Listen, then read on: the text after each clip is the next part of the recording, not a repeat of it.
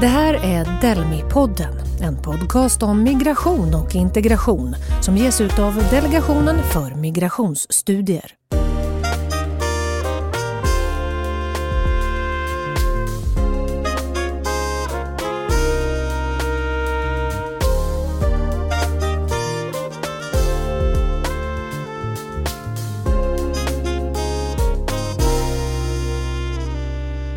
Det har blivit höst detta händelserika år 2021 och vi är tillbaka med nya avsnitt av Delmi-podden. Idag kommer vi att prata om ifall Migrationsverkets bedömningar av asylärenden på något sätt påverkas av att barnkonventionen nu inkluderats i svensk lag. Högaktuella, kontroversiella frågor det här. Bland annat har ju fallet med den treårige pojken som kallas Tim uppmärksammats stort i media på sistone. Tim som levt nästan hela sitt liv i ett svenskt familjehem och som ska utvisas ensam till Nigeria. Samtalet här idag det tar avstamp i Den reglerade invandringen och barnets bästa avhandling av Louise Dane. Och Louise finns med mig här i studion. Du möter henne snart. Rapporten och annat material hittar du på Delmis hemsida. Jag heter Ann-Louise Rönnestålek och du är varmt välkommen. Och nu så ska vi ta och träffa våra gäster. Ni får presentera er själva. Varsågoda. Ja, jag heter Louise Dane och jag är doktor i juridik och disputerade på den här avhandlingen som du precis nämnde då, om barnets bästa i migrationsrätt. Eh, och just nu så jobbar jag eh, som jurist en dag i veckan på något som heter Asylrättscentrum som är en organisation som arbetar för ökad rättssäkerhet i migrationsärenden. Mm. Och vem har vi med på länk då? Carl Bexelius heter jag och jag är rättschef på Migrationsverket och eh, även då chef för rättsavdelningen på myndigheten som har, har det övergripande ansvaret för den rättsliga kvaliteten kan man säga. Har haft en rad olika roller på Migrationsverket och även varit på Migrationsdomstolen en gång i tiden. Välkomna till Delmi-podden båda två. Ja, I dagens avsnitt ska vi alltså prata om detta med barnets bästa i migrationsärenden i Sverige och ifall inkluderandet av barnkonventionen har påverkat hur asylärenden avgörs. Alla är överens om att beakta barnets bästa, men hur går det till i praktiken? Jag tänkte börja hos dig Louise. Som du ser det, har det här med barnkonventionen, att den inkluderas i svensk lag, har det på något vis ändrat på bedömningarna tror du, eller påverkat dem? Ja, det är en, en bra fråga. Eh, rent rättsligt så kan man väl säga att det borde inte göra det. Eh, och det beror på att i utlänningslagen så har det funnits inskrivet att man ska beakta barnets bästa sedan 1997.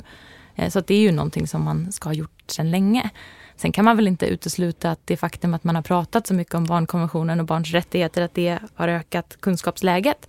Eh, och, och, där kan vi ju se att, att man har gjort flera satsningar på att utveckla arbetet med, med barns rättigheter sen barnkonventionen blev lag. Mm. Men rent rättsligt så borde det egentligen inte påverka bedömningen så där jättemycket just, i just migrationsärenden kan man säga. Vad säger du Karl då? Eh, du hörde Louise här. Som du tänker, gör Migrationsverket andra bedömningar i asylärenden sen barnkonventionen blev lag? Ja, men det är ju precis på det sättet som, som Louise skriver där att, att eh, reglerna i utlänningslagen har inte ändrats genom att barnkonventionen blir svensk lag. Så på det sättet så är det ju samma, samma bestämmelse som vi prövar eh, rörande förutsättningarna för att beviljas uppehållstillstånd. Men eh, det är ett ökat fokus på barnets bästa så att jag tror ju att det fokuset har lett till en rad olika åtgärder, i alla fall hos oss på Migrationsverket, som gör att mm. kanske underlaget för bedömningar ser lite annorlunda ut idag. Hur då? Kan du förklara? Ja, men eh, om man har ett tydligt fokus på de här frågorna redan från början i, i processen och eh, ser till att eh, man gör den enskilde sökande och både barn och, och, föräldrar uppmärksamma på, på det här så i slutändan så tror jag att det underlag som ligger till grund för ett beslut till exempel kan se annorlunda ut än det gjort innan och på det sättet så är det ju, kan det ibland då vara andra saker som man rent faktiskt prövar. Mm. Eh, även om det sker utifrån samma regler så att säga. Kan du försöka förklara vad det egentligen betyder konkret att beakta barnets bästa? Vad gör man? Hur går det till? Ja, det är ju, det är olika delar i det där. Ehm, vi ska ju i alla beslut och åtgärder som vi vidtar beakta barnets bästa och det kan vara väldigt konkreta saker som till exempel val av utredningsrum eller tiden för en utredning. Det, så att det här är någonting som går igenom hela processen så att säga. Mm. Och sen så när det handlar om vad beslutet då så ser det lite olika ut vilka bestämmelser som, som eh, är aktuella. Om vi tänker oss ett asylärende till exempel så finns det eh, mer begränsade möjligheter att beakta barnets bästa då, medan däremot bestämmelser som, som innehåller ett, mer av ett bedömningsmoment där man ska göra en eh, sammantagen bedömning. Där finns det ett större utrymme då att, eh, att beakta just barnets bästa. Mm. Vad säger du Louise? Ja, men jag håller med Karl. Man kan väl säga att i, i ett asylärende så prövar man ju först om, om barnet har ett skyddsbehov. Det vill säga är det farligt för barnet att återvända hem, finns en hotbild. Och där finns det ju väldigt tydliga krav som måste vara uppfyllda för att man ska beviljas uppehållstillstånd som flykting eller som alternativt skyddsbehövande. Och de kraven kan man ju inte bortse ifrån på grund av barnets bästa. Mm. Däremot kan man använda barnets bästa som ett liksom, slags tolkningsglasögon på när man, när man då försöker bedöma vad är förföljelse. Och, så där. och en lägre tröskel kan då kanske var, var, var okej för ett barn än för vad som skulle krävas för en vuxen. och sådär. Mm. Väga så, det mot andra behov helt enkelt? Nej, inte en avvägning utan där handlar det egentligen bara om att, eh, att tolka kraven. Ja. Så att mm. säga så här, ja, men det krävs förföljelse, men för ett barn kan vad som räknas som förföljelse vara mindre allvarligt än för en vuxen. Och då är liksom barnets bästa tolkningsglasögon för att förstå de rekvisiten, de kraven. Eh, men sen när man har bedömt för skyddsbehovet, då går man ju vidare till de här mer öppna bedömningarna som Karl nämnde. Och där blir det ju fråga om en avvägning mer där man säger men här beaktar vi barnets bästa, vi beaktar barnets situation i hemlandet, barnets situation här. Eh, olika mänskliga rättigheter som har barnet ett etablerat privatliv här i landet, har barnet familj här.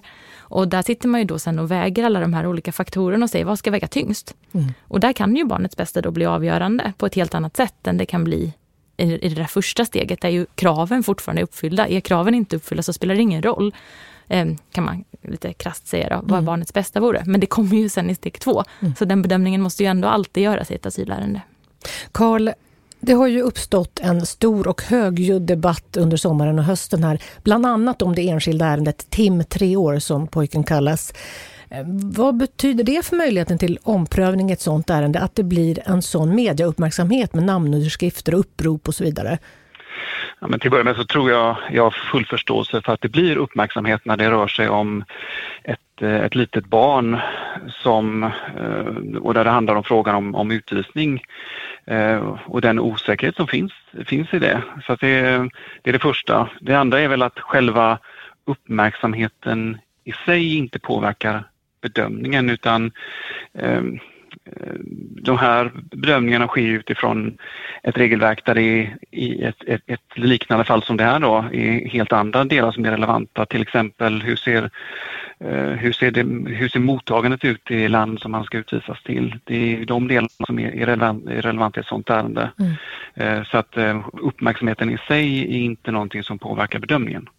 När det blir en sån här stark medial uppmärksamhet, Louise, vad tror du det betyder för förståelsen för vad barnets bästa är?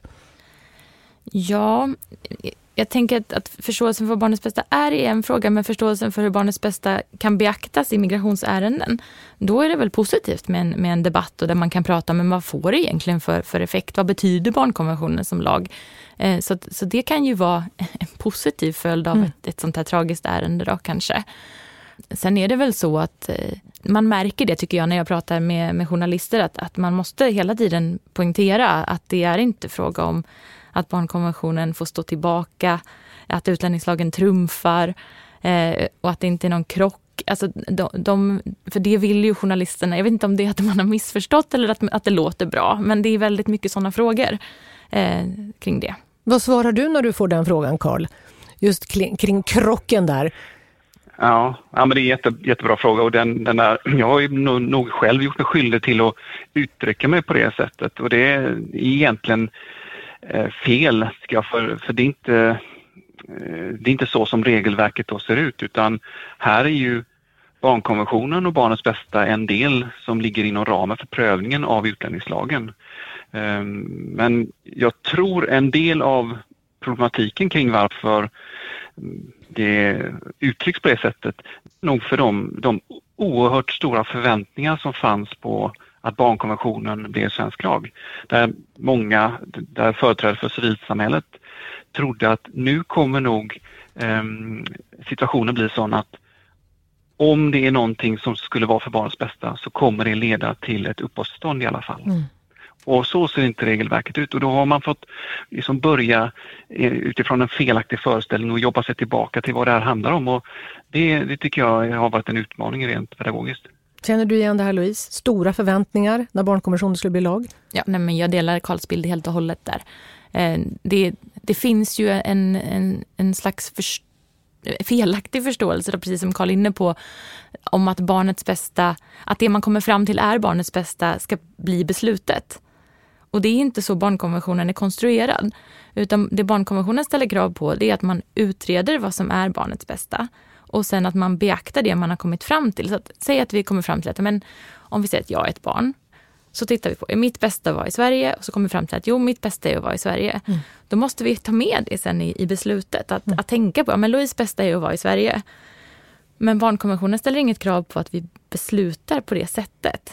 Utan eh, barnkonventionen tillåter att man beaktar andra intressen och i migrationsärenden så betyder det att då tittar vi på intresset av att ha en reglerad invandring. Mm. Och det kan ju vara massa olika saker som ligger i det, men man tittar på att vi har det här systemet. Alla barn får inte stanna i Sverige. Um, och, och, då tittar man på, okej okay, men det här barnets bästa är det här och barnet skulle få det så här i hemlandet och så sitter man och så gör man en, mm. en sån samlad bedömning.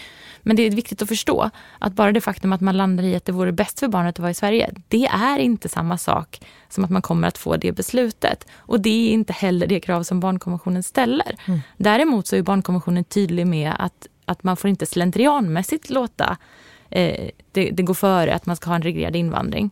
Och alla barn ska liksom inte då utvisas, men det betyder inte ingenting att, att barnets bästa är att få vara i mm. Sverige. Mm.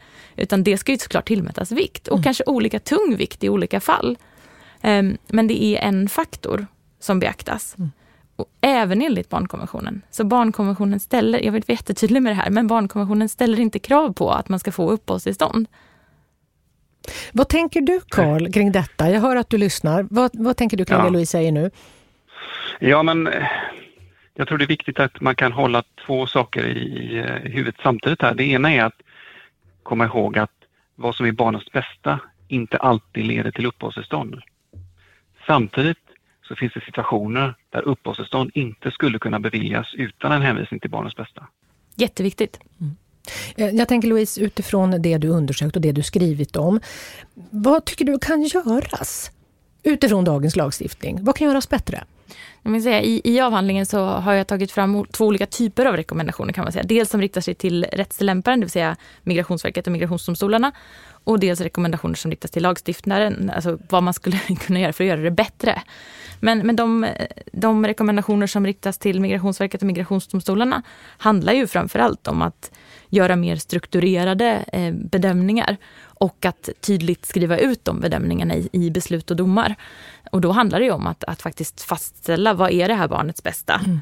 Och att sen ta med det i en bedömning där man då också tittar på, okej okay, men om det här är barnets bästa, vilka rättsliga intressen finns för att begränsa invandring i det här fallet? Vad har vi för skäl att inte bevilja ett mm. uppehållstillstånd? Och sen ska man ju då eh, tillmäta de här olika bitarna vikt. Så att säga, men hur tungt väger då barnets bästa i det här fallet? Barnets bästa kan ju i vissa fall vara att det inte var i Sverige också, ska man ju också säga. Men att då handlar det om att dela upp det här. Vad, vad talar för, vad talar emot? Tillmäta det korrekt vikt och sen i slutändan då landa i vilket eller vilka rättsliga intressen väger tyngst. Så att, att göra den typen av väldigt strukturerade eh, avvägningar och att skriva ut hur man har gjort dem så att det går att förstå. Vad kan det leda till då, när det blir för luddigt så? Otydligheten. Mm. Ja, men bristande motiveringar och otydlighet har ju en mängd olika konsekvenser, tänker jag. Dels för den enskilde som, som kanske har svårt att förstå beslutet eh, och då inte vet egentligen vad man ska, eh, vad man ska gå på om man överklagar det mm. beslutet. Förstår man det som att migrationsmyndigheterna inte har förstått att ens barns bästa eh, det är ju ofta att man hjälper sitt barn. Då. Mm. Eller om man själv är barnet, ett äldre barn, att, att, man, att myndigheterna inte förstått ens situation. Har de inte förstått att det vore mitt bästa, då kanske man lägger fokus på att försöka argumentera kring det. Men egentligen så var frågan inte att det var barnets bästa utan vilka skäl som vägde däremot. Mm. Och då är det ju där man måste lägga sin argumentation. Så man riskerar ju hamna snett så. Eh, sen är det såklart att det kan vara svårt för allmänheten att förstå de här besluten. Eh, men, och det kan ju leda till att det skapar tvivel kring om myndigheterna har agerat korrekt. Har man varit sakliga och opartiska när man har gjort de här bedömningarna eller, eller är det här bara beslutsfattarens egna känslor och tankar?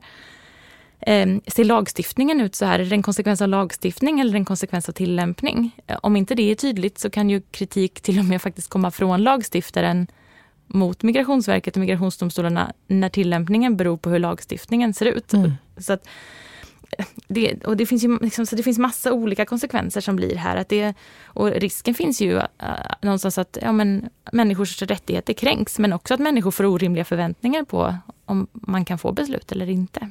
Karl, du ska få kommentera detta också. Ja, men det, jag, jag håller med Louise, den beskrivning som finns med här och att det, tittar man bakåt i tiden så jag har ju också sett luddiga beslutsmotiveringar där det inte tydligt framgår riktigt eh, var, eh, var den och hur den här avvägningen då görs eh, rörande barnets bästa. Där man inte heller har identifierat vad som är barnets bästa innan man sen kommer fram till den slutliga bedömningen. Så att det här med strukturerade bedömningar är en väldigt viktig del i hela den utbildningsinsats och de, de olika saker vi har gjort på myndigheten för mm. För att få en ökad tydlighet i det här. Och det är framförallt två delar som jag, jag tror är viktigt som vi försöker trycka på. Det ena är ju att nummer ett, vi måste identifiera vad som är barnets bästa. Och nummer två, vi måste dokumentera de avvägningar som då görs. Och bara med de två sakerna så får vi till det på ett bra sätt så har vi kommit eh, väldigt långt tror jag. Mm. Vad tycker du annars, vad, vad behöver göras från myndighetens sida för att stärka barnrättsperspektivet?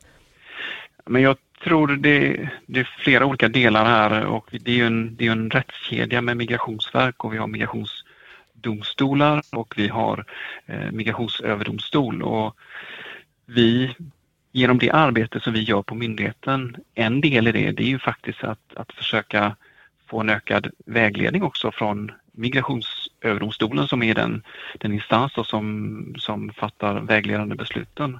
Eh, och det, där tror jag att den här delen att identifiera och sen motivera våra beslut gör att det är någonting som då migrationsdomstolarna i första hand kommer få pröva och det skapar förutsättningar för att få, få en del saker då prövat i Migrationsöverdomstolen. Till exempel en sån här fråga som barnets bästa, vad som är det bästa för barnet och eh, en avvägning mot det som brukar kallas för den reglerade invandringen. Mm. Den där är jätteintressant. Vad, vad gömmer sig bakom det begreppet? Det finns ju många olika dimensioner där. Jag tror att det finns eh, utrymme för ytterligare vägledning från, från Migrationsöverdomstolen där man behöver titta på hur det ser ut i varje enskilt fall.